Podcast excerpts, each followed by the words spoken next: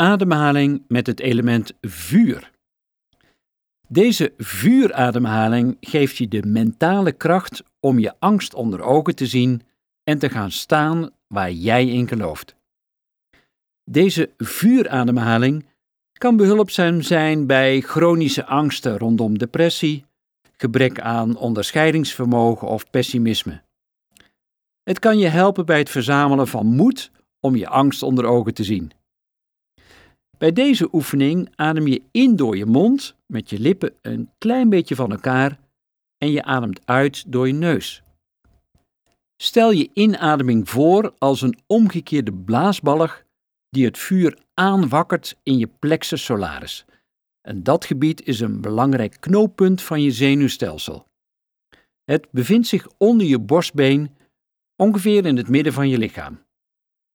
Houd je adem in en visualiseer dat het licht van het vuur in je plexus solaris door je ruggengraat zich omhoog beweegt.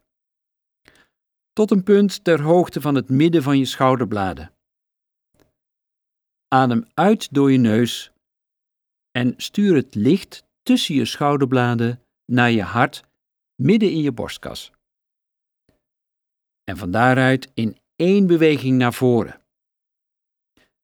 Water stroomt naar beneden, terwijl vuur zich omhoog beweegt en straalt. Het licht verlicht de weg die voor je ligt en het maakt de schaduwkanten van je lichaam zichtbaar. Doe het nog maar eens een keer. Adem in door je mond. Richt je aandacht op je wervelkolom. Adem nu bewust uit en voel het vuur vanaf je plexus solaris omhoog stromen tot aan je hart. Dan stroomt het vuur in de vorm van licht door je hart naar de voorkant van je borstkast. Met de vuurademhaling verandert je vuur in licht.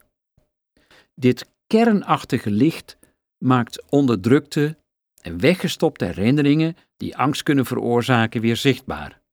De verlichtende stralen van de vuurademhaling zullen de angst wegbranden die door herinneringen worden aangewakkerd. De vuurademhaling zuivert de intentie van je hart en zet je levensdoel in het licht. De helderheid over je levensdoel helpt je om de gevoelens van angst te verminderen. Visualiseer dat je ogen licht geven en licht ontvangen.